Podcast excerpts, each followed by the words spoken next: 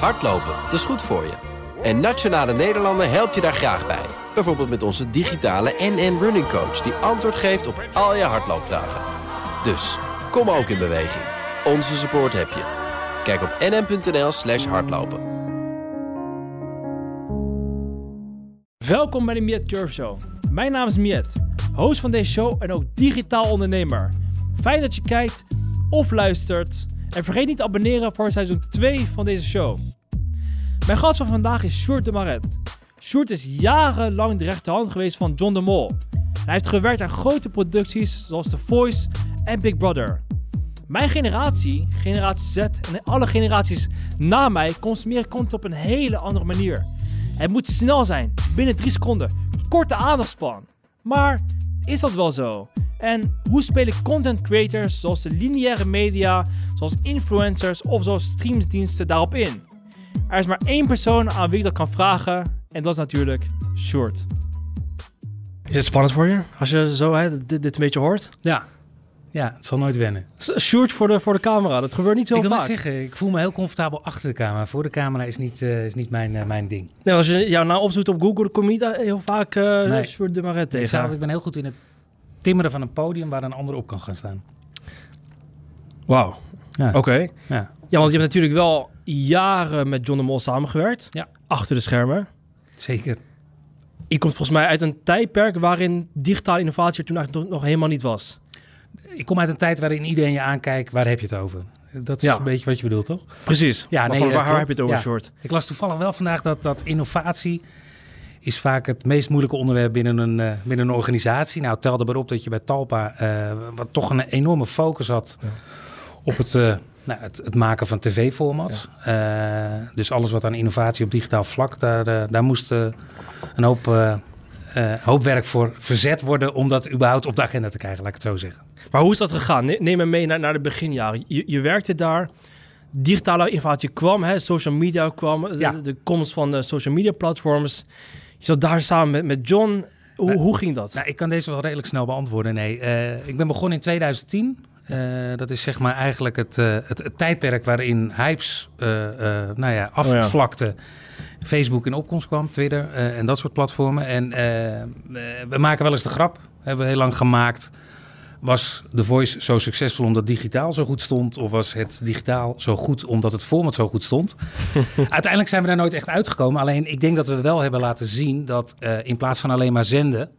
eh, dat we toen de keuze hebben gemaakt om ook een dialoog te starten met de kijker. Hmm. En data te verzamelen, niet voor exploitatie, maar voor interpretatie, lees, om het format nog beter te kunnen maken. Ik denk dat we daar wel echt een, een, een, een, een, wezenlijk verschil hebben gemaakt in de manier waarop tot dan toe werd geproduceerd in relatie, eh, of tenminste het samenvoegen van digitale media en traditionele media. Stond iedereen ook gelijk voor open? Ik kan me voorstellen dat het toch best wel moeilijk is om zoiets door te, doorheen te krijgen Ehm, in het begin. Nou ja, het, het, nee, hij stond er niet gelijk voor open, maar hij begreep wel dat de wereld aan het veranderen was. En ehm, ik, ik, ik, ik heb wel één ding geleerd, dat is je moet niet alles tegelijk willen. Je moet misschien stap voor stap de kijker aan de hand nemen. En, en de grootste discussie die we eigenlijk in het eerste seizoen hebben gevoerd was... Moeten we de kijker meteen overvoeren met allerlei digitale extensies? Of moeten we hem laten wennen aan alles wat we aan het doen zijn? Waarbij onder andere John zelf ook zei... ik wil eerst dat ze het programma begrijpen. En als ze het programma begrijpen, dan kunnen we alles daaromheen eh gaan aanbieden. En daar kwam eigenlijk de gedachte connect. Dus we maken een connectie met de kijker. Interact. Hm. We weten wie je bent. We we weten wat je leuk vindt. We weten wat je niet leuk vindt.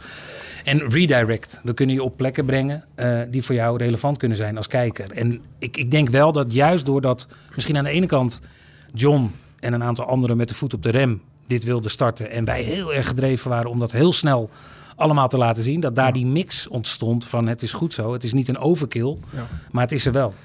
Dus ja, het, weet je, eh, als je alles terug bekijkt, dan denk je, ja, ik had dingen anders kunnen doen. Dat is vaak zo. Ik denk alleen wel dat we heel goed aanvoelden wat er op dat moment eh, speelde ja, in het medialandschap. Ja, en toen zijn jullie natuurlijk doorgaan. Social media is natuurlijk steeds belangrijker geworden. Ook zeker voor de traditionele media. Ja. En dan zou je bijna kunnen zeggen dat social media ook de ondergang is geweest... in de zekere zin van The Voice. Omdat natuurlijk, hè, daar kwam natuurlijk, het werd steeds makkelijker voor mensen om met elkaar te connecten. Het werd steeds ma- makkelijker om natuurlijk ook publiciteit of in ieder geval nieuws Ja. erin te gooien. Maar waar doel je dan nu specifiek op? Nou, in de, in de zin van, de, de social media is natuurlijk een enorme kracht, maar het kan natuurlijk ook een bedreiging zijn Ja, voor klopt. bepaalde grote platforms. Ja, goed, kijk, wat je, wat je natuurlijk zag met name in het begin. eh, ik, ik denk dat ik een mooi voorbeeld heb met Twitter. Eh, er waren natuurlijk heel veel mensen die, die aan Twitter waren tijdens het programma. En wat opviel toen al, het zijn eigenlijk altijd de mensen die eh, ergens over willen klagen of ergens over willen zeuren, die de moeite nemen om dat te gaan posten en dat te gaan delen met de rest van Nederland. De mensen die het leuk vinden, die, die zijn niet zo snel, oh wat leuk. Ja, ze zijn er wel, maar in de verhouding vele malen minder dan de mensen die eh, eh, elk Ja. moment aangrijpen om hun beklag te doen. En dat is niet alleen met The Voice, dat zie je natuurlijk met, met ja, dat zie je met heel veel. Dus, dus eh, alleen ik ben het wel met je eens dat hè, doordat we de kijker meer ruimte gaven om zijn of haar mening te geven over het programma en Ja.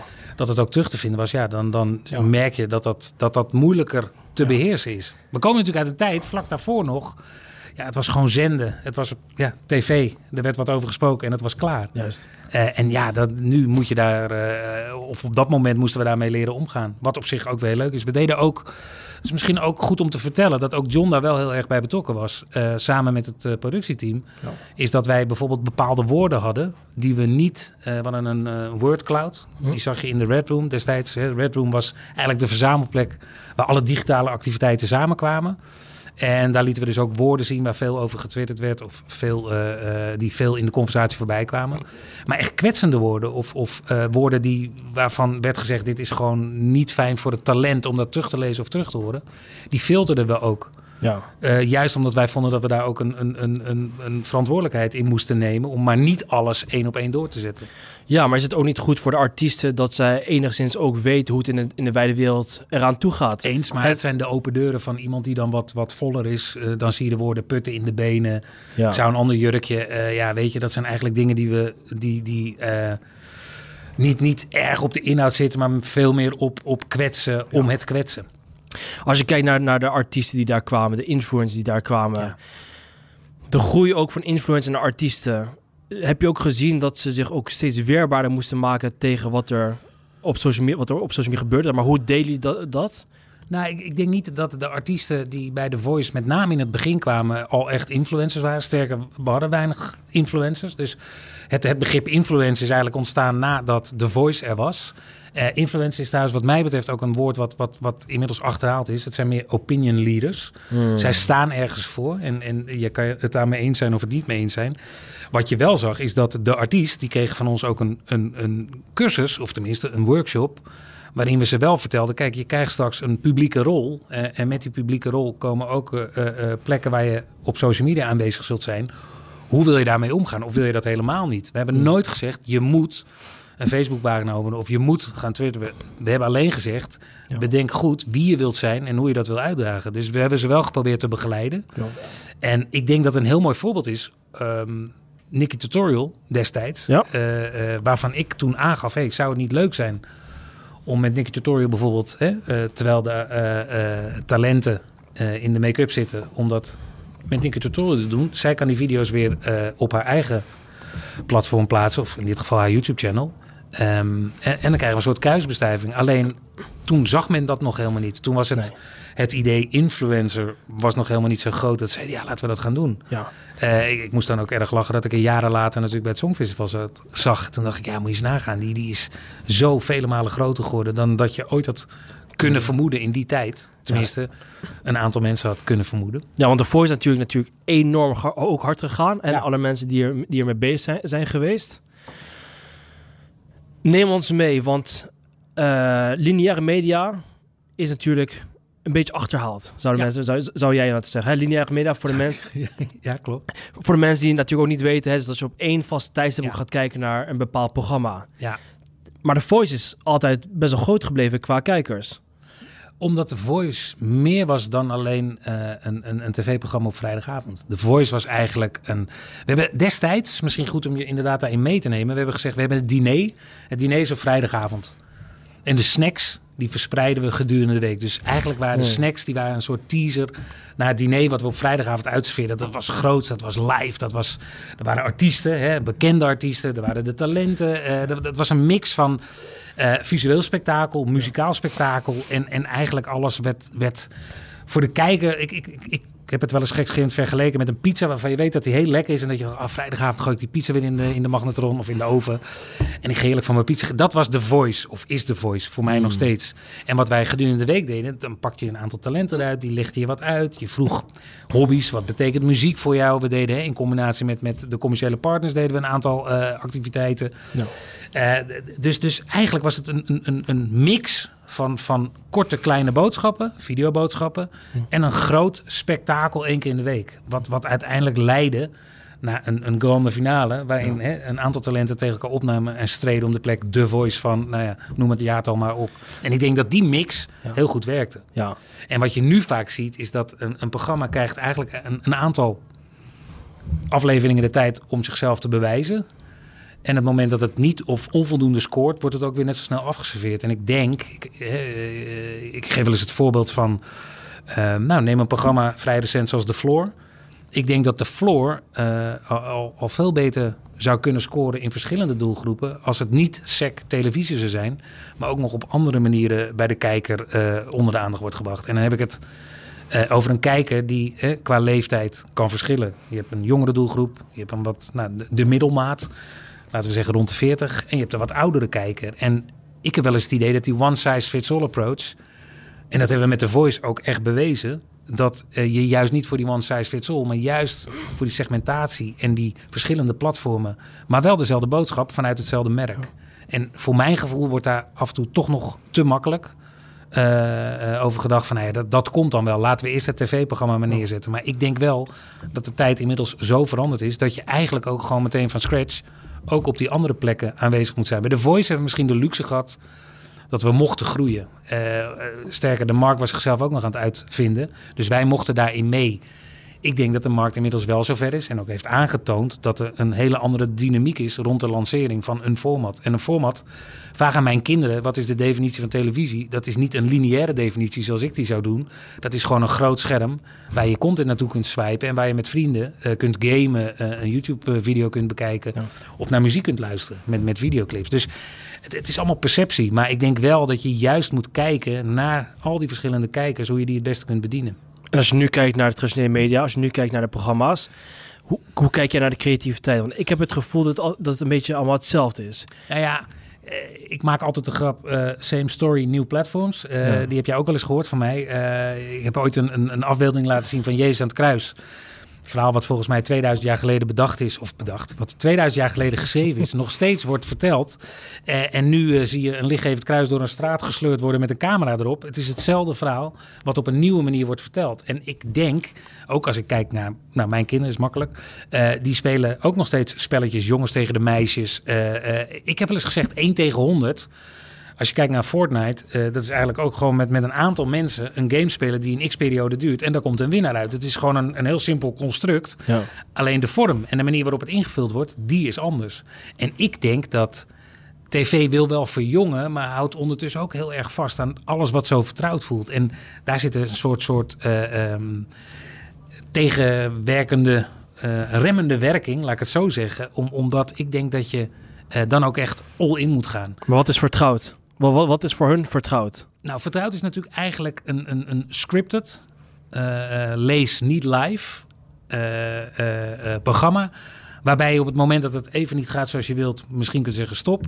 we, de- hè, we nemen deze nog een keer op. En het is ingeblikt. En ik snap wel, er zijn tal van redenen hè, natuurlijk.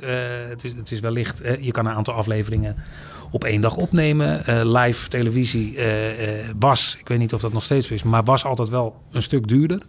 Dus er zijn natuurlijk tal van factoren die nog steeds bepalend zijn of een programma wel of niet live is. En ik denk de grootste is toch een stuk invloed wat je kunt uitoefenen op het moment dat je op zender bent. Want ja, iets wat opgenomen is en later uitgezonden wordt, dat is helemaal afgepolijst. Dat klopt, daar- zitten geen, eh, Ja.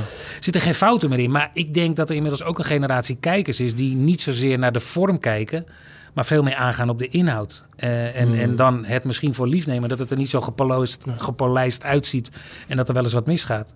Als het programma eh, relevant en, en eh, eh, persoonlijk aanvoelt, dan denk ik dat ze al veel eerder genegen zijn om te denken: hé, hey, leuk, Dus ik blijf kijken. Dus Ja. ja, aanname van mij, hè, maar ik, denk wel dat dat, dat dat een hele belangrijke rol speelt. Heb je nog contact met John?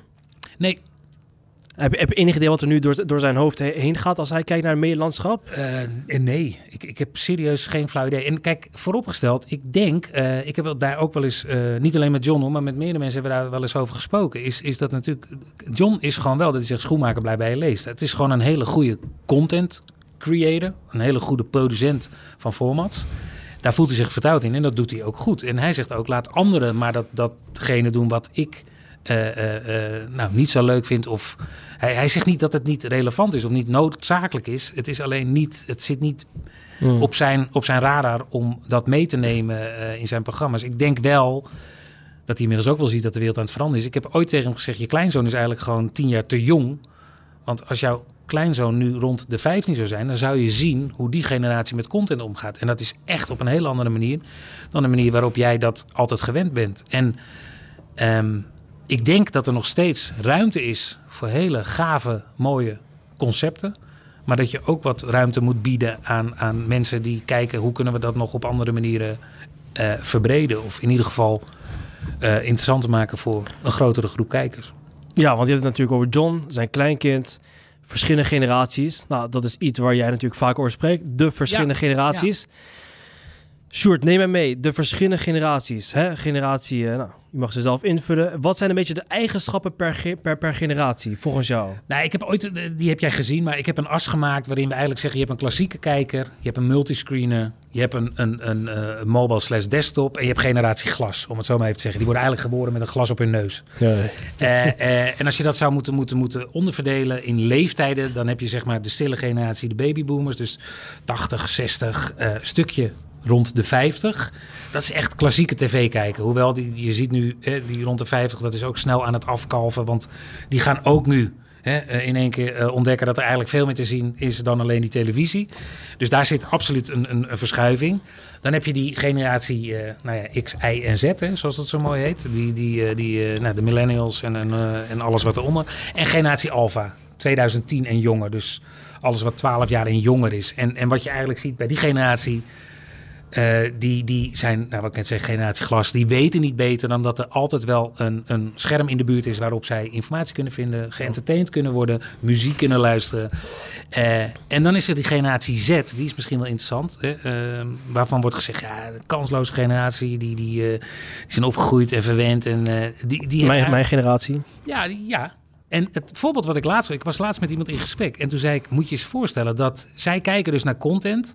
Je hebt drie seconden om die kijker te raken. Dus om drie, drie seconden om, om tegen die kijker te zeggen... Hey, kijk eens naar mijn content. Vervolgens, als je die aandacht weet te vangen binnen die drie seconden... dan is er een soort rationele van negen seconden... waarin die, die, die, die persoon denkt, ga ik verder kijken. Dus al met al heb je twaalf seconden om die kijker enthousiast te maken en te raken en ervoor te zorgen dat hij jouw content gaat bekijken. En als je dat bijvoorbeeld vergelijkt met de tijd waarin ik opgroeide met jeugdprogramma's. Dat was de tijd waarin de presentatrice zei: Goedemiddag, leuk dat jullie allemaal kijken. We gaan vandaag. In die periode vliest al. zijn deze jongeren eigenlijk al of door of blijven ze hangen. Dus, dus ik, ik denk ook dat als je iemand enthousiast wil maken voor een nieuw programma, dan moet je heel goed realiseren wie wil ik bereiken, voor wie is de, deze content eh, eh, eh, bestemd. En als je dat voor jezelf heeft weten te definiëren, dan heel goed nadenken van oké, en hoe ga ik dit dan onder de aandacht brengen? Want die laat mijn moeder nemen, eind 70, hè, wordt volgend jaar 80. Gefeliciteerd alvast. Dankjewel. Die, die ga je op een hele andere manier benaderen als mijn dochter van 14. Hmm. Maar misschien vinden ze allebei wel hetzelfde programma heel leuk. Ik heb jarenlang het voorbeeld gegeven van Expeditie Robinson. Hmm. eh, waarin een Corrie Konings zat. En een, een, een zangeres, ik ben gewoon nu even de naam kwijt, wat slecht. Eh, hoe heet ze? Eh, dit moet je knippen, hè? Hoe heet ze ook alweer? Dit is helemaal live. Ze heeft net een dochter gekregen. Nee, eh, de Roast. Femke Louise, sorry. Femke Louise. Nee, in ieder geval, Ja. eh Corrie Konings, Femke Louise, allebei in hetzelfde programma. Wat was nu de kracht? Oma en kleindochter zaten op een verjaardag en hadden het over hetzelfde programma. Oma Hmm. dacht, wow, ik ben hip. want ik kijk een programma wat mijn kleindochter kijkt. En kleindochter dacht, zo, oma is nog lekker bij, want die kijkt het programma wat ik kijk. Dus je kan soms al heel goed nadenken over, alleen al door de mensen die je dus als deelnemers in een programma zet, Ja. Welke groep kijkers je gaat, gaat aanspreken. En nou, daar heb ik de laatste jaren gewoon wat meer naar gekeken. En dan zie je gewoon dat met name die klassieke kijker, die moet je gewoon lekker tv laten kijken. Daar moet je gewoon mooie programma's voor maken. Die, die gaat ook echt tv kijken met het idee, ik kijk een uur. eh, en daarna ga ik weer wat anders kijken. En die wordt niet afgeleid door een reclame. Die heeft geen behoefte aan een website waar die informatie kan vinden. Of een TikTok eh, die voorbij komt. Dat is gewoon goed. Die multiscreener, die vindt het bijvoorbeeld leuk om ehm, een programma te kijken en misschien wat achtergrondinformatie of misschien een play-along. Eh, we kijken naar, een weet ik veel, zelf de, ant- eh, de vragen meespelen. Aan het eind van de rit een rapportcijfer, hartstikke leuk. Kan je aan de familie laten zien, kijk, ik had ook een 8, wat ben ik intelligent. En dan heb je die jongere kijker. En die jongere kijker, ja, die is op een hele andere manier. Die, die gaat ook niet meer naar de gids. Die gaat ook niet meer eh, eh, zoeken. Die krijgt veelal op YouTube, middels een algoritme of omdat het systeem inmiddels zo slim is dat ze al hele andere aankondigingen doen. Waar overigens vandaag ook weer, eh, ik las het volgens mij bij Carlo. eh, eh, Geweest vriend Carlo van Linden. Precies, Ja. eh, waarin natuurlijk werd gezegd van... hey, het, het blijkt nu toch dat TikTok ook wel bepaalde video's expres een beetje wat aandacht gaf om het zelf te promoten. Nou, dat is natuurlijk ook helemaal niet verrassend, Mm. maar dat werkt natuurlijk daar weer heel goed. Dus je, je moet altijd gewoon heel erg bij jezelf te raden gaan van... oké, hoe wil ik die content straks eh, gaan aanbieden? En wie gaat er kijken? Dus wat betekent dat voor de manier waarop ik het programma ga samenstellen? Ja, want de Expeditie Robinson is het dus één format geweest waar dus de, de gasten, of in ieder geval hè, de, de, de expeditiërs in het programma van twee, voor twee vers- verschillende generaties interessant waren. Ja. Maar het was hetzelfde format. Klopt. Ehm, dus je zegt eigenlijk per generatie moet er nog steeds content worden gemaakt, alleen op een andere manier. Nou, Per- ik weet ook niet op een. Kijk, een, een mooi voorbeeld. Eh, dit heb ik jaren geleden heb ik dit een keer geopperd. Ik liep in de, in de studio en toen zag ik het decor van 1 tegen Holland staan. Oh, ik hou van Holland, sorry. ja. Eh, en terwijl ik daar liep, dacht ik, wat leuk. Maar er is nu niemand, maar het decor staat hier gewoon met het licht uit. Waarom doen we daar niks mee? En dat is ook de tijd waarin we eigenlijk eh, met Giel van Stuk TV... eh, eh, meer en meer contact kregen. eh, onder andere jachtseizoen, nog wat andere zaken. Toen heb ik het idee geopperd, zou het niet leuk zijn om Giel...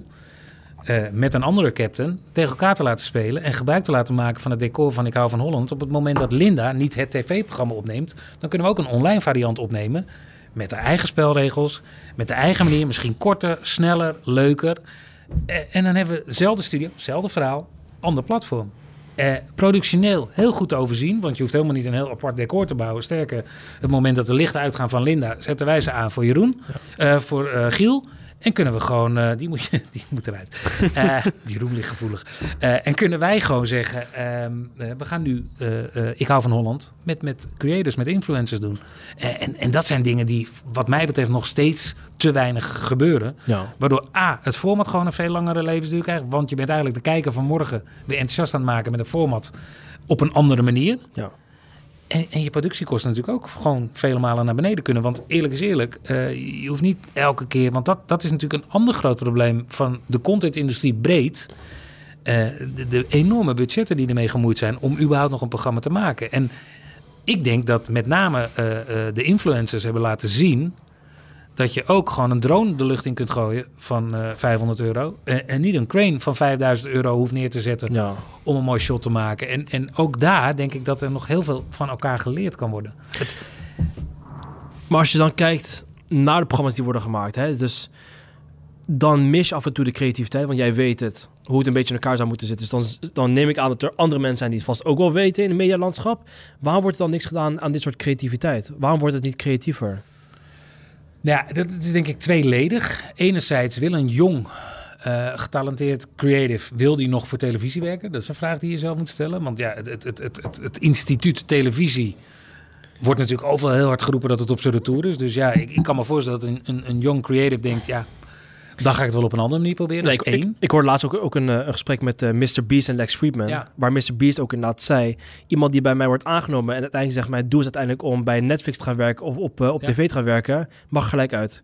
Nee, ik, ik denk dat je het anders moet zien. Is dat nog geen twintig jaar geleden, als ik mezelf neem, dat ik begon, waren er niet veel mogelijkheden om in, met, met creativiteit en content in raak, aanraking te komen dan de zenders of de producenten. Dat waren de, de instituten. De, de, dat zat potdicht. Dat was eigenlijk een soort vacuüm.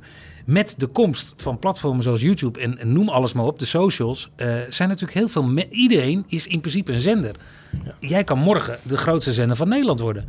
Eh, en, en dat is natuurlijk wel enorm te gek dat iedereen vanuit zijn of haar zolderkamer uiteindelijk gewoon, eh, los van welke macht dan ook, Ja. eh, zelf heel machtig kan worden. Juist. Het probleem alleen wat je nu ziet bij heel veel van die, van die influencers die groot zijn geworden, dat ze nu eigenlijk ook een enorme kijkersgroep hebben en ook die druk voelen van ik moet wel relevant blijven, ik moet wel met nieuwe leuke concepten komen. Dus ook zij zullen openstaan voor mensen met goede ideeën. Lees creatives die zeggen, hey, maar Ja. ik kan je daar wel bij helpen. En ik denk dat, dat je als creative moet je op een gegeven moment ook een positie kiezen. Wie ben ik, wat wil ik en wat ga ik doen aan content?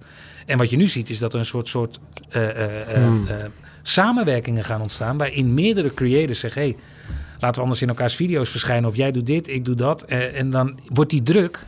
kijk, en Monica Geuze heeft natuurlijk niet voor niks gezegd... ik ben blij dat ik nu kan stoppen met mijn, mijn wekelijkse vlog. Ja. Eh, op een gegeven moment, er ligt natuurlijk best wel een druk om elke keer maar te voldoen aan die, aan die enorme zucht naar content. En dat geldt natuurlijk voor, voor, voor die creators, maar net zo goed geldt dat voor bijvoorbeeld de streamingplatformen, die natuurlijk eigenlijk die, die druk, naar die, die constante honger naar content straks niet meer aankunnen. Eh waardoor zij eigenlijk ook weer lineair gedrag gaan vertonen. Dus series gaan opknippen of gaan zeggen, we doen nu de eerste acht.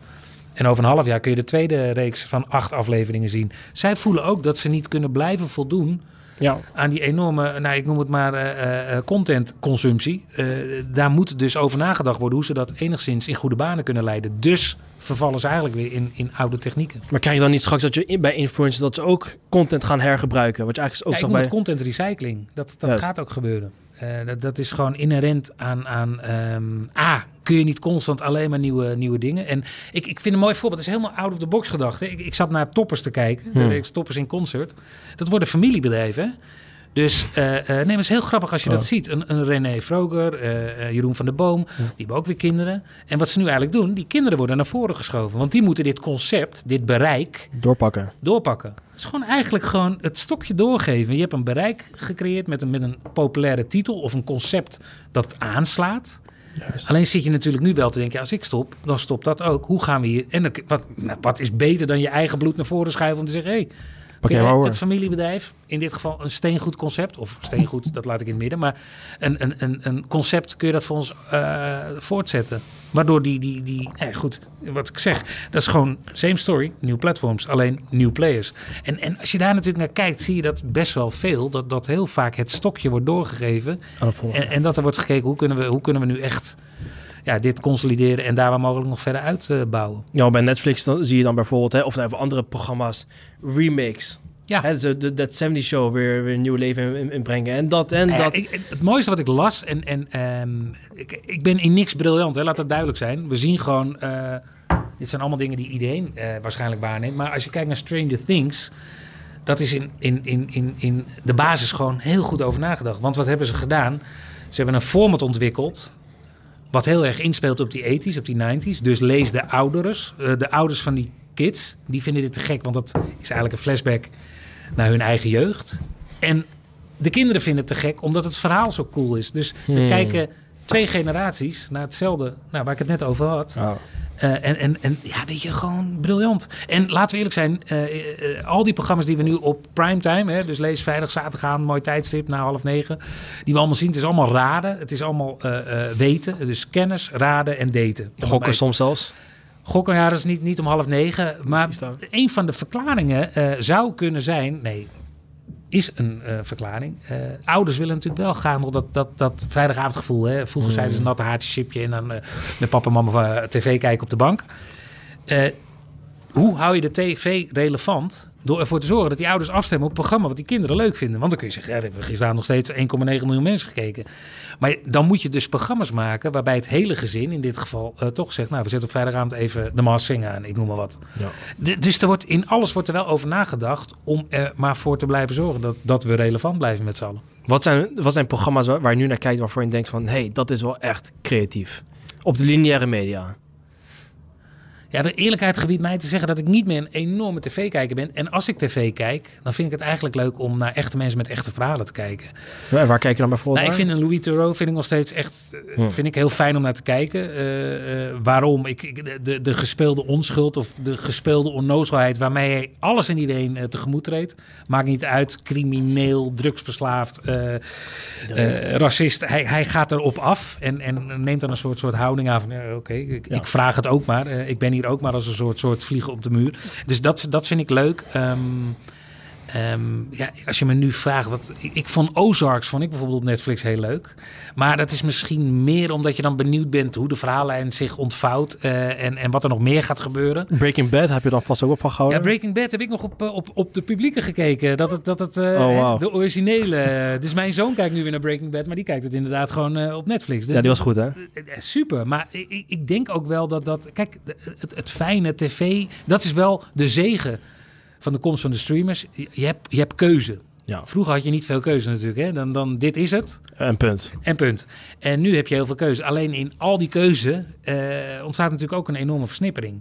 Ja. Eh, en, en er is zoveel dat het, dat het vinden van het programma wat bij jou past... af en toe misschien iets meer tijd, moeite eh, kost. En, en ja, dat vind ik wel eens jammer. Want hm? The Wednesday had je natuurlijk ook heel populair. Maar dat is in principe ook een beetje dagen, dagen geknipt en daar geplakt. Ja, het, maar dat, kijk, als je, als je, eh, het leukste vind ik misschien zelf wel, maar dat is, eh, kijk, ik ben natuurlijk niet, niet eh, iedereen doet het op zijn of haar manier. Ik, ik vind het zelf heel leuk om gewoon op YouTube te speuren naar datgene wat Mm. niet in de top 10 staat.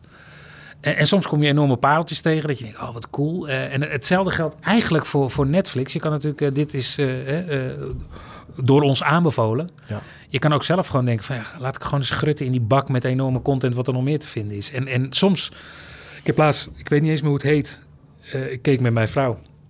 Ik zei, nou, dit is dus een uur van mijn leven wat gewoon totaal nutteloos is geweest. Ik had zitten kijken. Ik, ik, ik, aan het eind dacht ik, wat, wat heb ik in godsnaam zitten kijken? En toch bleef ik kijken met het idee van, nou, misschien dat het nog beter wordt. Eh, dat heb je ook. Maar dat is misschien, eh, nou ja, goed, je, je, je moet...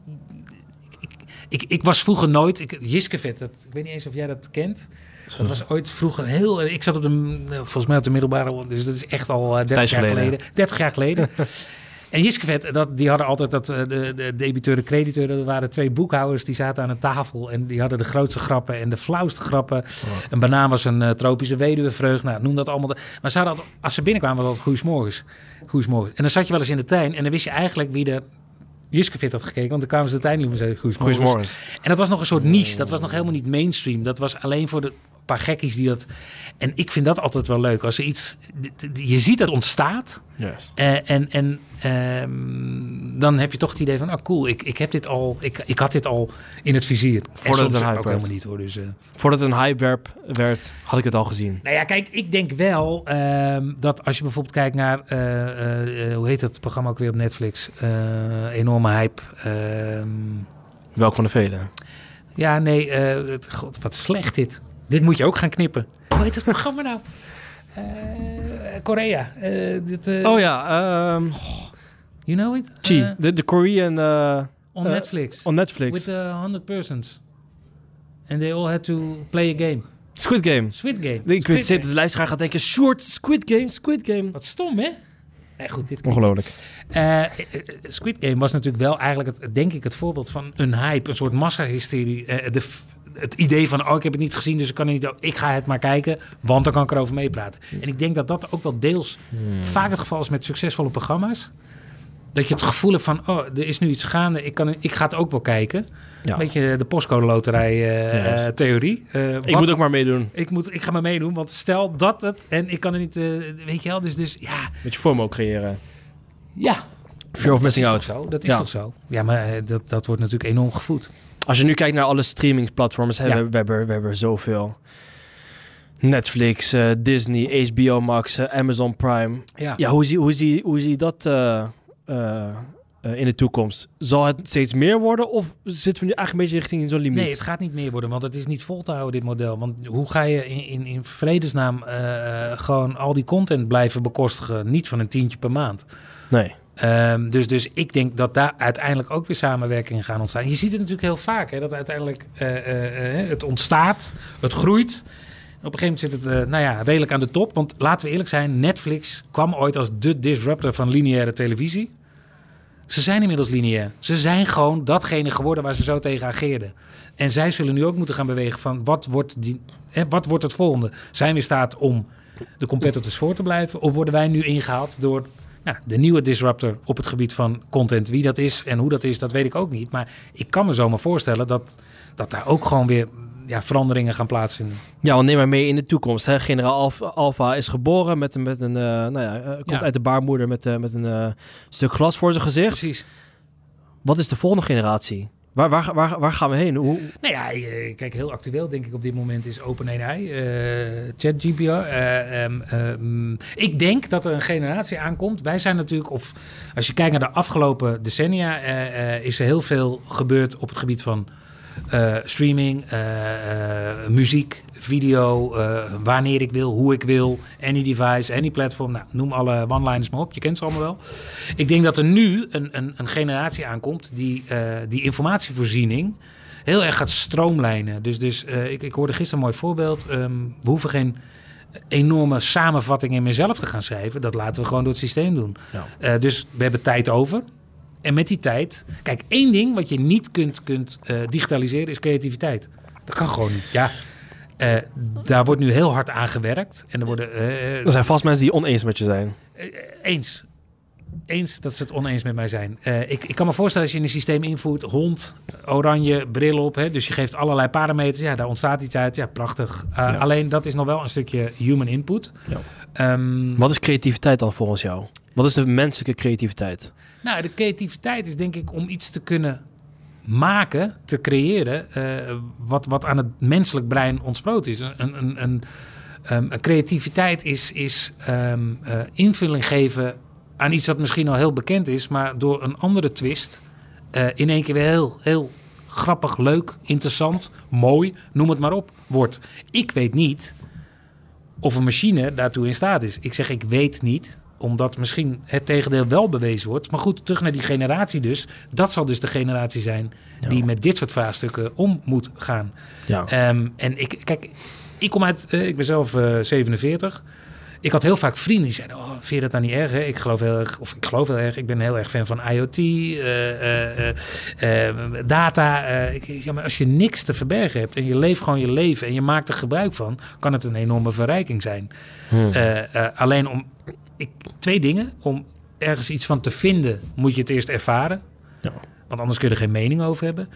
En twee is, eh, overal waar te voor staat, eh, is per saldo niet goed. Ja. Dus je moet het zelf ook kunnen eh, reguleren. Ja. En zelf in de hand kunnen hebben wat je ermee doet. En, en ik, ik, ik denk dat veel mensen, de mensen die de technologische ontwikkeling, om het zo maar te zeggen, als een bedreiging zien, zijn voor mij vaak de mensen die er onvoldoende tijd eh, en, en research, nou research is een groot woord, maar er onvoldoende eh, aandacht aan schenken om, om te begrijpen wat het echt voor je kan betekenen. En, en het, het mooiste voorbeeld, of een van de mooiere voorbeelden, vond ik Huub Stapel, die bij Jinex zat en daar was ehm, Alexander Club. En die zegt dus, eh, ik heb hier een uh, chatprogramma, die kan gewoon voor jou eh, alles... eh, dus waarop Huub Stapel zegt, nou, eh, tuurlijk. Dus hij kan een scène schrijven van Vlodder in een filawijk. En eh, nou, dus nou, Alexander tikt dat in. Ja. En, en je zag eigenlijk de verbazing bij Huub Stapel. Dat hij dacht van, wow,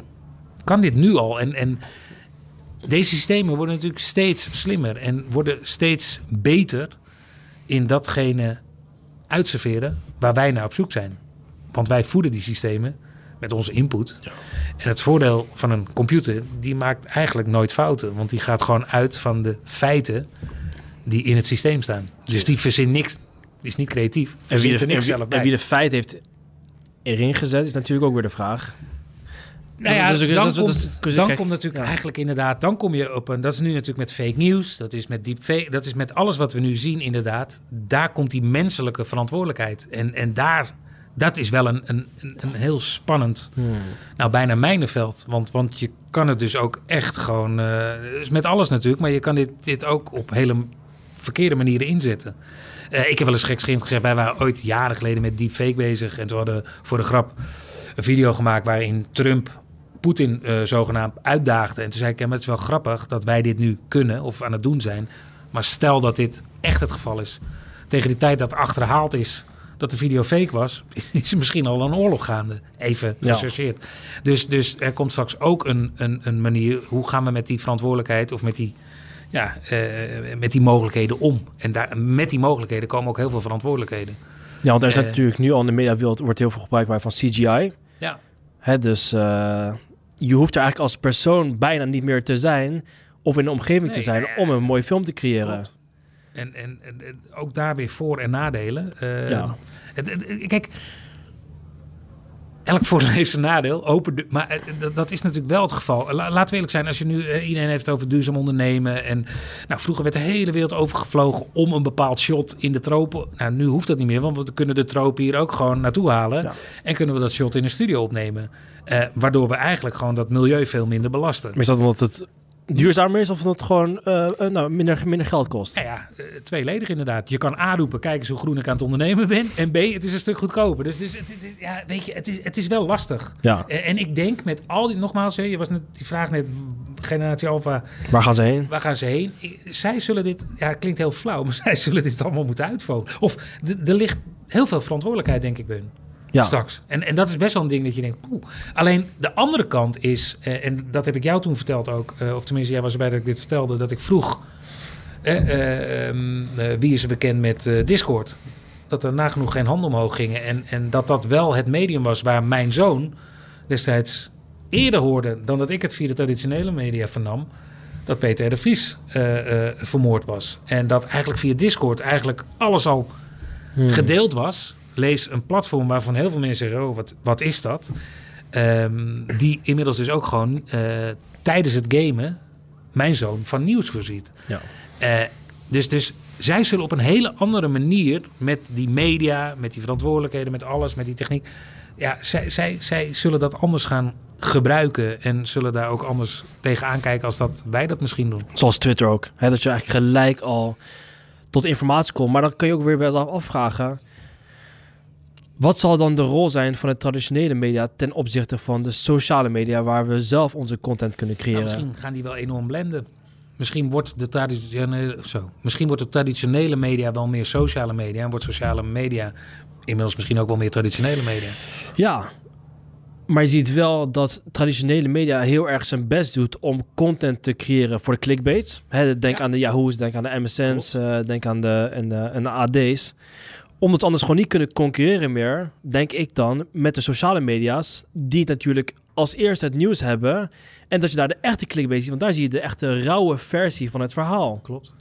Ja, ik, ik, ik, ik zou willen dat ik, dat ik precies het antwoord had op, op de vraag, hè, of, of het vraagstuk wat we nu Ja. bespreken. Ik, ik denk alleen ehm, dat er waarschijnlijk weer nieuwe platformen ontstaan.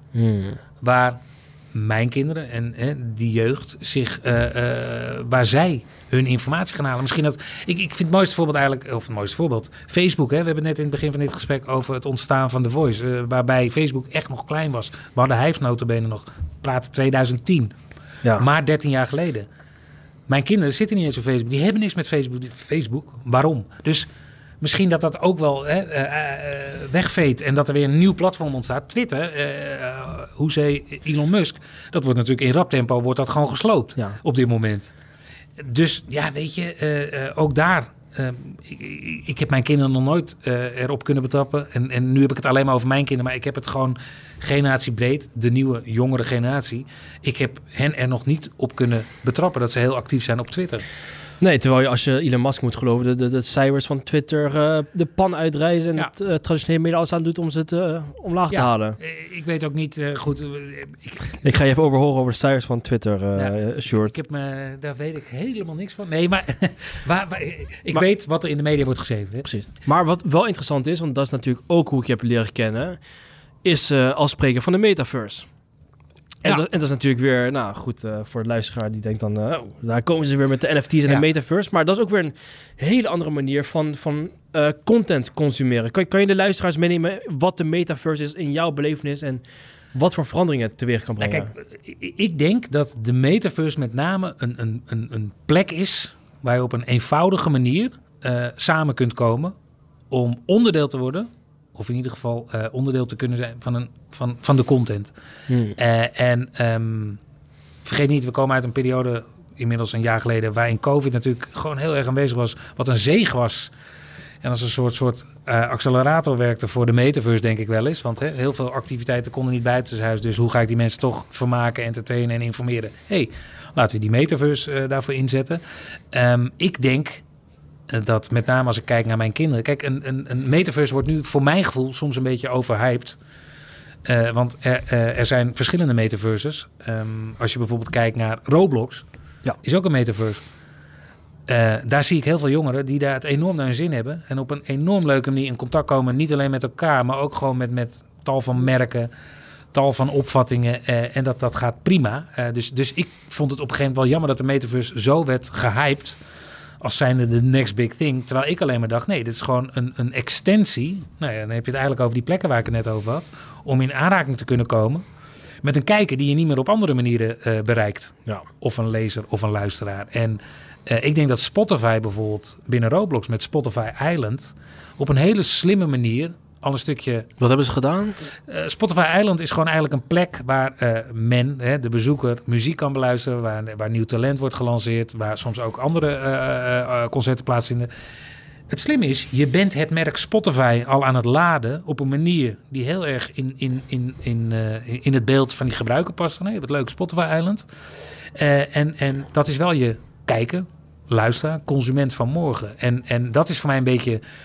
Op dit moment vind ik de metaverse, dat zijn bedrijven die verder kijken dan alleen de mogelijkheden die ze hebben eh, eh, binnen dat traditionele spectrum. En ook zeggen van, hé, hey, hoe kunnen we op een andere manier onder de aandacht gebracht worden? En Nike is een heel mooi voorbeeld. Nike heeft ook een Nike-land, eh, moet je maar eens opzoeken. Hartstikke leuk. Ehm, dat werkt als een dolle. Wat ik wel jammer vond, dan, dan gaan in één keer heel veel bedrijven het soort, soort van... oh, wij zitten nu ook in de metaverse. En dat is eigenlijk een beetje logootje plakken eh, en, en, en, kijk ons eens hip zijn. Maar er is niet verder over nagedacht wat we daar dan echt willen doen. Nee. Wat willen we toevoegen? En ik denk dat daar wel nog... eh, ik, ik sprak twee jaar geleden een, een eh, zorgverlener, psychiatrische patiënten. En die zei, wat wij vaak merken is dat het heel lastig is om op de momenten dat zij behoefte hebben aan contact, zijn wij niet altijd bereikbaar. Of wij zijn er niet 24-7. Het zou natuurlijk mooi zijn als wij een virtueel huis zouden hebben waar zij naartoe kunnen om in dat moment eh, eh, zich geborgd te voelen en eh, in contact te kunnen komen met een ver- zorgverlener die vanuit de thuissituatie wel die zorg kan geven. En toen dacht ik, kijk, dit, dit zijn ontwikkelingen die natuurlijk enorm interessant zijn. Je, je ziet het nu ook, hè, er is laatst onderzoek naar gedaan in ziekenhuizen, dat kinderen een VR-bril opkrijgen, eh, deels pijnbestrijding, maar ook een deels even gewoon uit die, uit die, die, die, die nare omgeving waar je het toch vaak over hebt. Dat werkt. Ja, dat is voor mij ook metaverse. En ik Ja, denk, daar moeten we echt veel meer nog eh, op inzetten. Om juist dat soort mogelijkheden te ontsluiten. En eh, eh, niet alleen maar vanuit entertainment, maar juist ook van edutainment. Dus een stukje bewustwording, leren. Eh, nou, in het geval van hè, eh, medische zorg, om die kinderen misschien, of ook patiënten in het algemeen, even uit Ja. die, die negatieve spiraal te halen. Eh, zo zijn er natuurlijk heel veel manieren te verzinnen om die metaverse wel relevant te maken. Voor een Ja. veel grotere groep dan alleen maar. Hè, en, en, en- de grap is, dat hoor je ook vaak. Oh, het is alleen maar voor gamers. Of nee, dat is flauwkul. Nee, dat, weet je wat, Andrew Humerman, een, eh, een neuroloog, die had ook in zijn podcast erover dat eh virtual reality ook goed wordt gebruikt voor mensen die trauma's hebben, eh, voor, voor in het leger om bepaalde Oefeningen te doen. oefeningen Ja. inderdaad te doen. Ehm, een vriend van mij gebruikt het om eh, in slaap te vallen, want hij zit dan in Minecraft op een plek waar Ja. de zee is, hoort, hoort, geluid, hoort het geluid van de zee en kan daardoor in slaap vallen door, door virtual reality. Ja, maar, en- en juist dat. Kijk, en ik heb voor mijn gevoel blijven dit soort dingen soms nog te veel onderbelicht. Dus dan wordt Ja. inderdaad, hey, je deed in de intro, zei het al, eh, crypto's, NFT. Nee, allemaal prima. Dat, dat allemaal, kijk, overigens, eh, eh, crypto, NFT, eh, blockchain, ook heel belangrijk.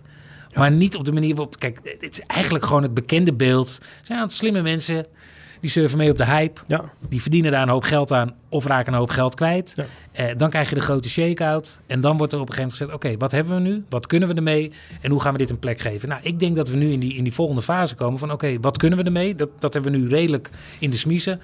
Hoe gaan we dat doen? Er komt een stukje regulering. Want hè, ook daar, het lijkt af en toe alsof het een vrijstaat is waar geen regels gelden, waar Ja. alles maar kan. Dus ook daar zal over nagedacht moeten worden. Eh nou ja, goed, eh, ik, ik denk dat we een, een, een, een, eh, ook met onderwijs. het wordt steeds moeilijker om, om hè, met grote groepen mensen, de juiste docenten, Hmm. alles staat onder druk. Nou ja, misschien dat er dus wel gewoon virtuele leslokalen komen.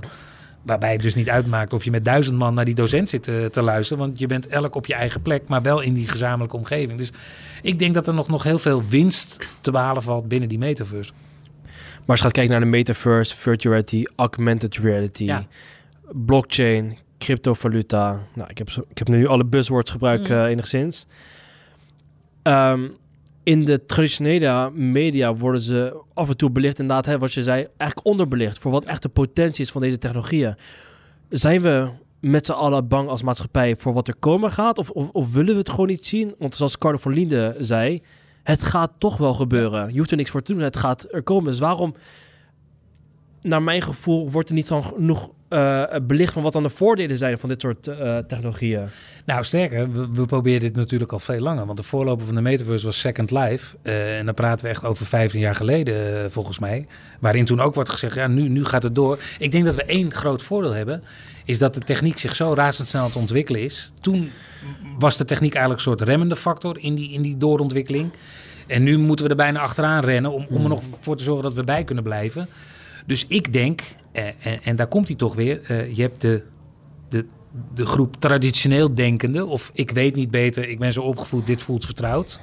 Versus een generatie die zegt, we gaan het anders doen. Eh, en ik denk dat dat wel de generatie is die zegt, oké, eh, er zijn dus, eh, er moeten afspraken worden gemaakt.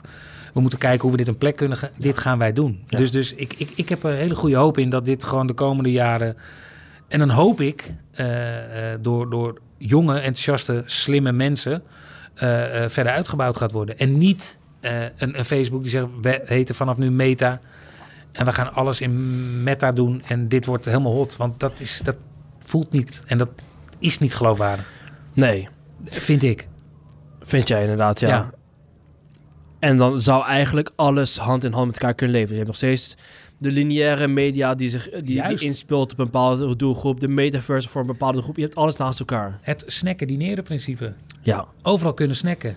En één plek definiëren waar je kunt dineren. En wat die plek is en hoe die plek eruit ziet, dat moet je gezamenlijk bepalen. dus in, in het geval van de Voice bijvoorbeeld, hè, op vrijdagavond zie je op tv. Ja. In de metaverse kun je langs gaan, dan zie je je favoriete artiest uit de Voice een bepaalde eh, eh, clipshoot maken, weet ik veel. En op Instagram kun je ze live volgen backstage. En dan heb je eigenlijk alle media, maar het is één groot platform. We hebben ooit voor The Voice, dat is helemaal in het begin geweest, hebben we eh, een, een virtuele omgeving gebouwd. Waarin je als kijker naartoe kon om videoclips terug te kijken. En eh, één op één een soort Q&A met een van de deelnemers te kunnen doen eh, op een bepaald tijdstip. Hartstikke Hives ooit, die hadden eh, de Hives kelderconcerten. Dat was binnen het Hijfsgebouw zelf. Eh, Het was superleuk en dat vonden mensen onwijs gaaf, want dat was een nou, FOMO.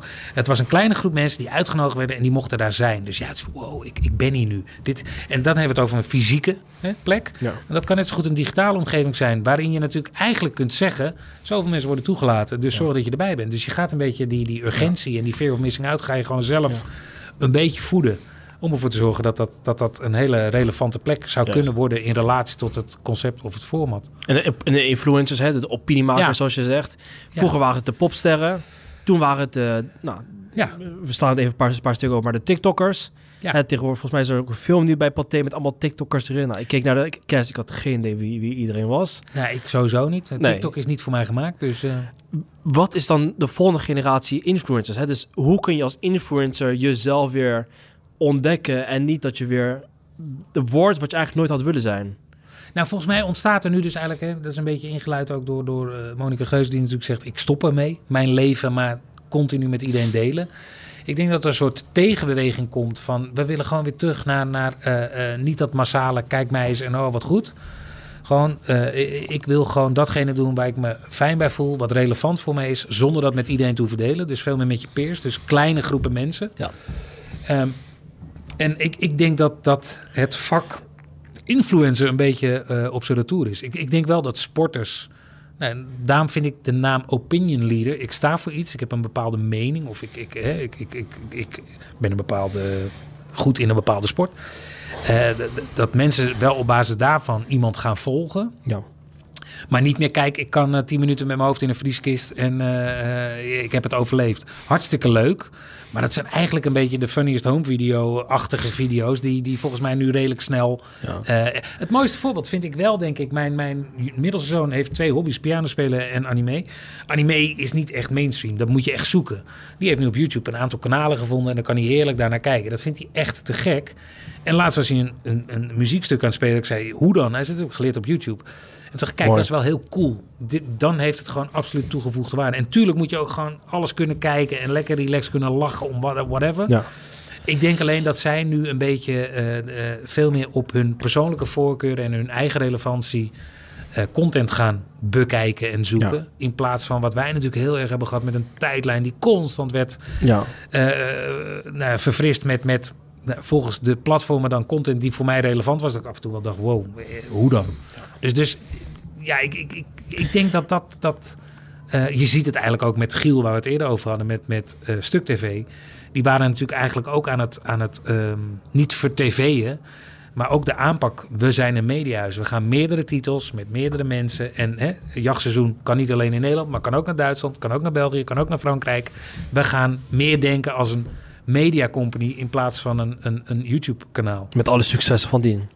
Met alle successen en ook valkuilen, denk ik, van dien. Met alles wat daarbij komt kijken. Want eh, zij merken nu inmiddels ook dat met die groei en met die aandacht komen ook verwachtingen en ook verantwoordelijkheden. Ja. Je kan natuurlijk niet meer alles maar roepen en doen eh, waarvan je denkt, oh dat is wel leuk, eh, want ik kom er toch wel mee weg. Want ook jij wordt nu langs de lat gelegd van wat ben je aan het doen en wat doe je met dat bereik en, en hoe ga jij met jouw kijker, Ja. fan, volger om. Dus, dus ja, En Giel en, van stuk, en en dan Stuk TV in zijn algemeenheid moet zich dan weer eh, herpakken of weer, weer heruitvinden om... Ja, kijk, zij zijn nu succesvol met, met eh, een titel zoals Jachtseizoen of The Drop. Eh, alleen zij voelen natuurlijk ook wel de druk Mm. van wat wordt de volgende succes. Want De lat wordt steeds hoger.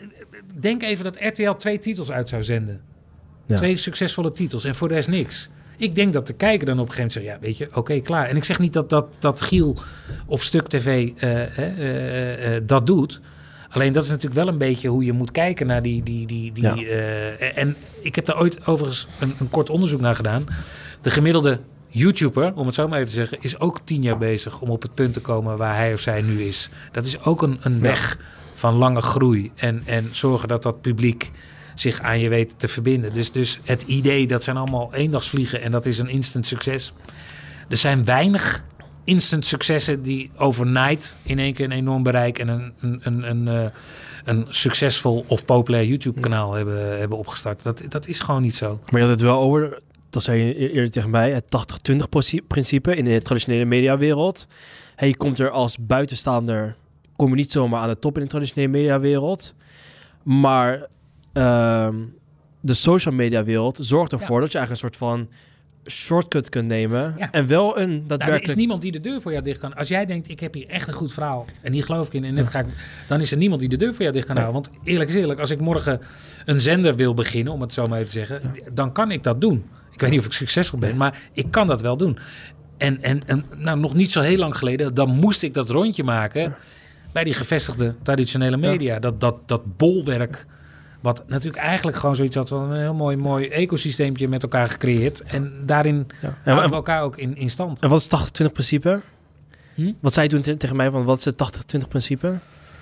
80%, eh, 20% van de mensen krijgt 80% van de, van de opdrachten. Was het volgens mij. nou eh, ja, ik, ik- heb ik dat toen zo letterlijk gezegd? ja, en, eh, Ja, goed. Ik, ik, ja, dat is gewoon zo. Het is Ja. natuurlijk wel dat dat gewoon een... een, een en, en dat is allemaal logisch, want het is ook allemaal eh, ontstaan. En heel makkelijk. Hè? We hebben nu heel natuurlijk over de media. Ja. Dit is natuurlijk in tal van Oh, markten tuurlijk. het geval. Eh, en daar is niks mis mee, want zo werkt dat nu eenmaal. Ik denk alleen wel dat de media een van de... eh, industrie of markt is die daar nu extra mee te maken Oh, heeft. we zien omdat, het. Omdat we het zien. Juist. Het is, zo, het is transparanter dan ooit. Ja. En, en dat maakt het denk ik extra lastig om als traditioneel eh, eh, eh, partij in, in, in deze industrie te roepen van ja, we gaan het helemaal anders doen. Omdat iedereen toch zoiets van ja, weet je, maar ondertussen spelen jullie nog steeds hetzelfde spel. En ik, ik snap dat ook wel. Dat is ook lastig. En ik kan me ook voorstellen voor bedrijven die bijvoorbeeld influencers willen inhuren voor hun werkzaamheden. Dat het ook steeds moeilijker wordt met natuurlijk de komst van juice channels, met de Ja. komst van inderdaad. Nou, je, je ziet het, hè? Je wordt heel ja, snel. kijk, en dan met die Jude channels, dat is ook wel grappig. Het lijkt wel of de, de weg naar de kijker, of de weg naar de luisteraar of de lezer, hè, die is zo kort geworden. Maar daar zit natuurlijk soms ook wel eh, eh, een Yvonne Koldewij bijvoorbeeld, die natuurlijk maar ruksigloos alles post. En dan zegt, ja, als het tegendeel wordt bewezen, dan haal ik het wel weer weg. Ja, dat, daar kun je natuurlijk wel in die tussenliggende periode heel veel schade aanrichten. Hmm. En dat is natuurlijk wel iets waarvan je zegt, ja, jongens, eh, hoe gaan we hier dan? Nou, dan komt weer die verantwoordelijkheden.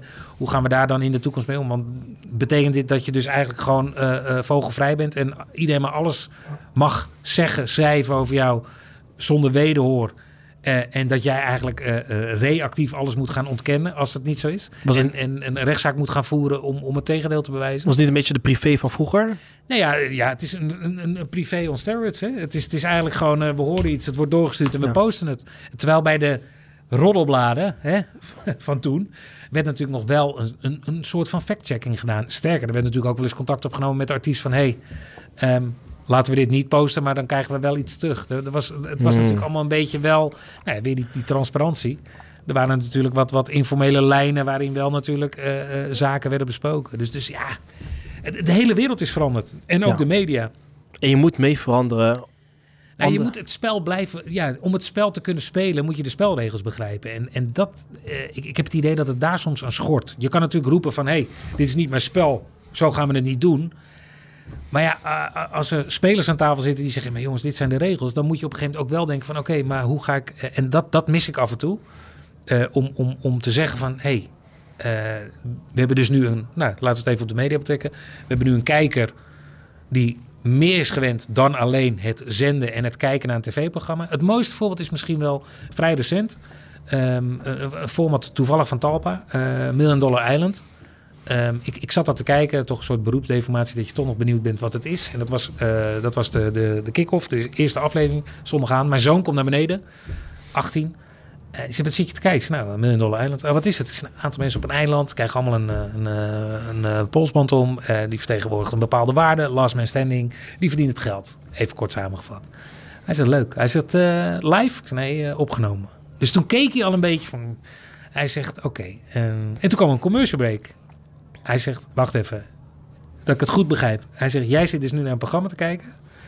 Wat opgenomen is. Lees, de uitslag is al bekend waar geen invloed is van de kijker. Dus ik kijk naar iets waar ik niks aan kan veranderen. En ik ga wachten tot de commercial break afgelopen is om verder te kijken. Hij zegt, ik check hieruit, ik ga naar boven. Toen dacht ik, ja, daar zit natuurlijk wel een kern van waarheid in. Dat is een generatie die dat helemaal niet meer gewend is. Om op die manier tv te kijken. Sterker, ze hebben ook een, een, een gaming achtergrond. Game is natuurlijk ook gewoon instant live met mensen. Je hebt invloed. Het, er is een hè, al dan niet bekend spelverloop. Het kan ook zijn, er is geen bekend spelverloop. Eh, daar moet je natuurlijk wel over nadenken. Dat zijn die spelregels. Die spelregels zijn aan het veranderen. En als je daar geen rekening mee houdt bij het ontwikkelen van je format. En dat wil helemaal niet zeggen dat het een slecht format is. Alleen dan weet je dus wel bijvoorbeeld dat je die kijkers eigenlijk al uitsluit. Die gaan niet kijken. Want het zit totaal niet in hun, in hun omveld. En ik denk dat daar soms dingen misgaan. Het idee van Million Dollar Island is top. Sterker, ik denk als je had gezegd we gaan dit live doen. En laat ik even alle kostenoverwegingen en alles. Want ik, ik begrijp heel goed dat er veel meer eh, factoren een rol spelen dan alle dingen die ik nu noem. Maar laten we het even gewoon simpel houden. Stel dat je had gezegd dit programma gaan we gewoon live doen. En eh, jij kunt als kijker meebepalen wie er weggestemd wordt. Weet ik veel, hoeveel geld te verdienen. Nou, noem maar wat. Eh, het is mogelijk. En we gaan dit gewoon live live doen. Een uur lang. En daarna kun je weer verder met wat je doet. Ik denk dat je dan een hele andere, hele andere perceptie, een hele andere dynamiek rond het programma krijgt. En nogmaals, het zijn waarschijnlijk ook open deuren. De producenten zelf zullen hier om tal van redenen ook wel over nadenken. En om tal van redenen zullen ze het ook afschieten. Maar toch denk ik wel dat we meer en meer die kant op gaan. Ik, het mooiste voorbeeld, ik heb het volgens mij jou wel eens verteld. Een Ruud Gullit die een basisschool eh, binnenloopt. En kinderen zeggen gewoon, daar heb je Ruud Gullit. Nou, 86 speelde die volgens mij eh, voetbal. Die kunnen hem niet kennen van het voetbalveld. Zij kennen hem van FIFA. En wat Ruud Gullit, die denkt, hé, maar dat is interessant. Ik ben dus relevant weer voor een hele nieuwe groep kijkers, een hele nieuwe groep fans. Hoe kan ik dat doen? Ik ga een team Gullit starten. En dat team Gullit ga ik gewoon een plek geven. En weet je wat? Ik ga ook shirt sponsoring doen. Want dan kan ik ook nog eens geld verdienen. En ik ga een, een opleiding doen. En ik ga dat team beter en beter en beter maken. En dit werkt. En dan denk ik, daar is gewoon slim over nagedacht. Je ziet gewoon een kans. En je gaat niet zeggen, oh, nou ja, goed. Je gaat kijken, hoe kan ik daar uh, uh, uh, nog veel meer uithalen dan dat er nu gebeurt. En dat mis ik af en toe. Voor mijn gevoel, en nogmaals, ik, ik, ik kijk niet mee bij de programmaontwikkelingen van al die verschillende producenten. Dus ik, alles wat ik zeg is een aanname. Maar voor mijn gevoel wordt daar nog onvoldoende aandacht aan besteed. En kan je daar gewoon, met name als je een nieuw idee hebt, kan je daar al vanaf het begin veel meer rekening mee houden.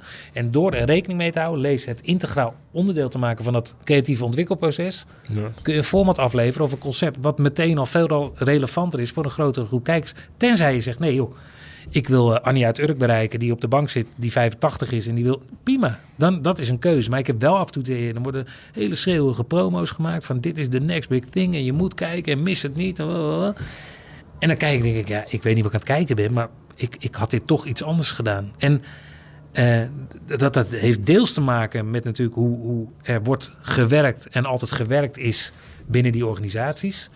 En anderzijds, dat is de vraag die ik natuurlijk ook altijd kreeg, maar hoe gaan we er geld mee verdienen? Snap ik ook. Er moet ook geld verdiend worden. Maar het, het maken van een kort promootje op TikTok van kijk eens wat wij hip doen. Ja, sorry. Dat is niks. Dat is niks. Dus ja, als je nu aan mij zou vragen van, hè, ga nou eens, hè, zoals het gesprek begonnen, ga nou eens terug naar de Voice. We hadden daar een blanco canvas en we kregen de ruimte om in te kleuren van waar wij dachten dat we winst zouden kunnen gaan behalen. Hmm. Uh, buiten het tv-format zelf om. En dat hebben we een stukje bij beetje mogen en kunnen doen. Met een relatief klein team, wat alsmaar groter werd. Waarvan we uiteindelijk ook hebben gezegd: hey, we hebben nu zo'n mooi digitaal concept. Dat kunnen we ook naar de andere landen waar de Voice uh, gestart wordt uh, uitrollen. Hebben we allemaal gedaan. Ik denk wel eens: ga weer eens terug naar dat moment. En pak nu één van je titels en zeg: hé, hey, laten we het nou eens net zo benaderen als dat we destijds met de Voice hebben gedaan. We hebben een blanco canvas, we hebben een dijk van een concept.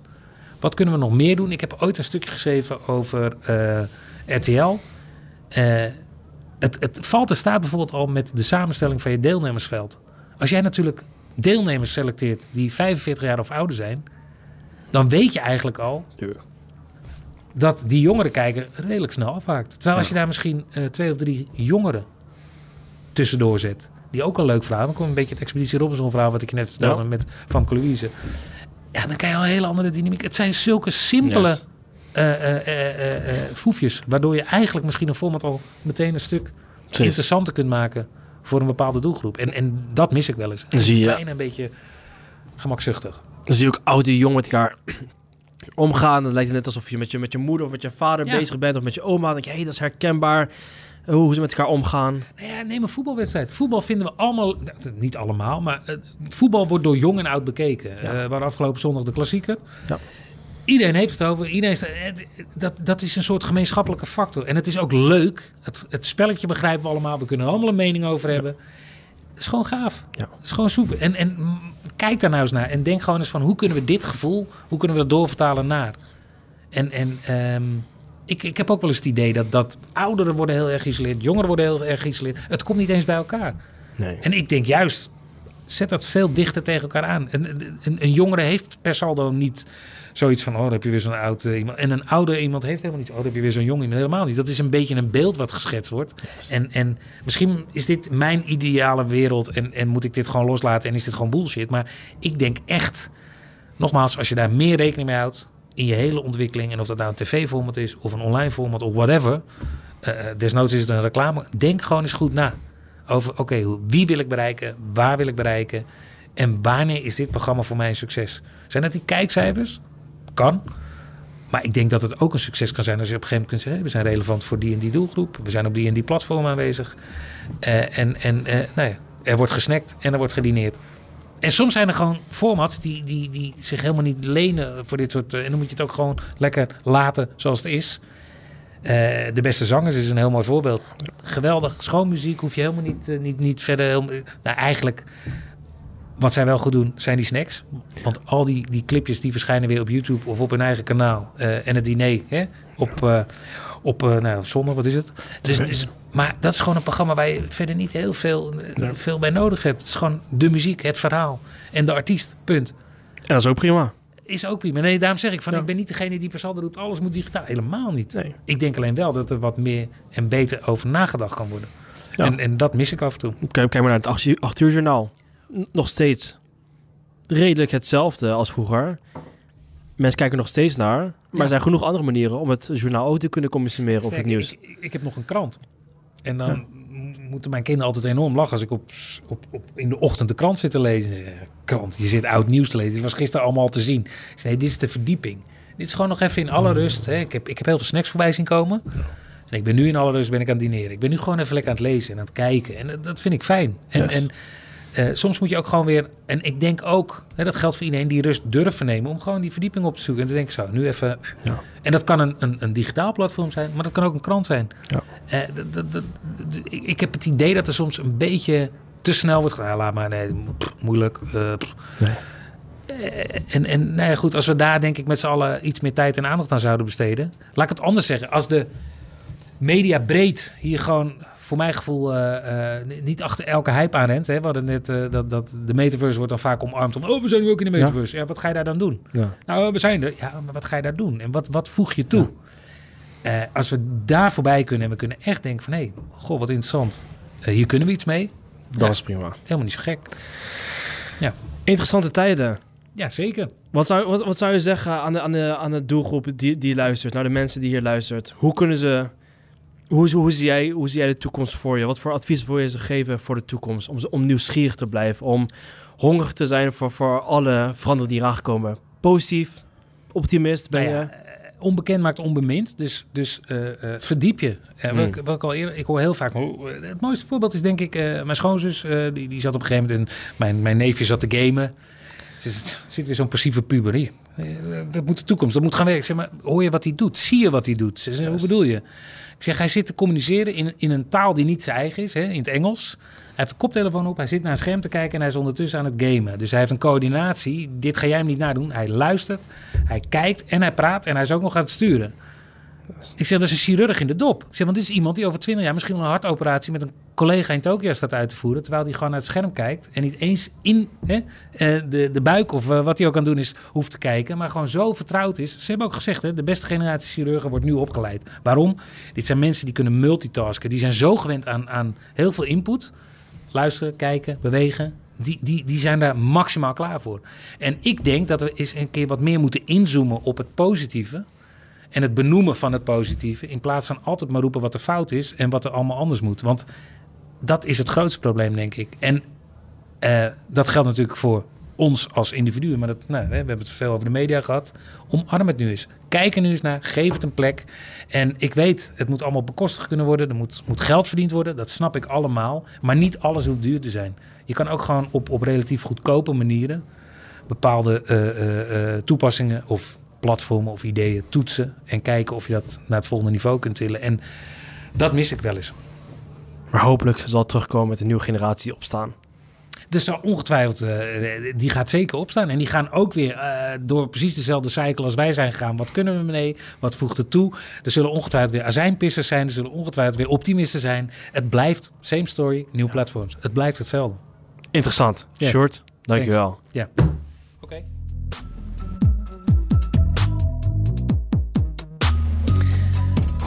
Dat was hem. De laatste aflevering van de Miet Cure Show seizoen 1. Ik vind het echt jammer dat het voorbij is. Het was een heel mooi gesprek. Alle gesprekken en ook deze weer met Sjoerd. Hij content creator zegt wel eens... Dit is voor jong, dit is voor oud. Maar het moet eigenlijk allemaal weer bij elkaar. Net als dit programma. Zowel voor jong als voor oud. Verbinding met elkaar zoeken. Dat is precies wat ik ook wilde creëren. Laat me weten of dit is gelukt in de reacties. En abonneer op het kanaal voor seizoen 2 van de podcast.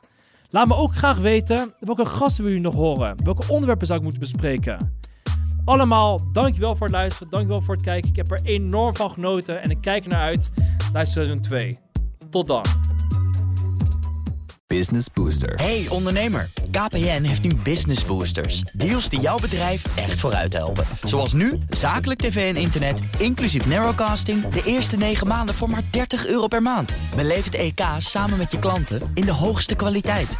Kijk op kpn.com slash businessbooster. Business Booster.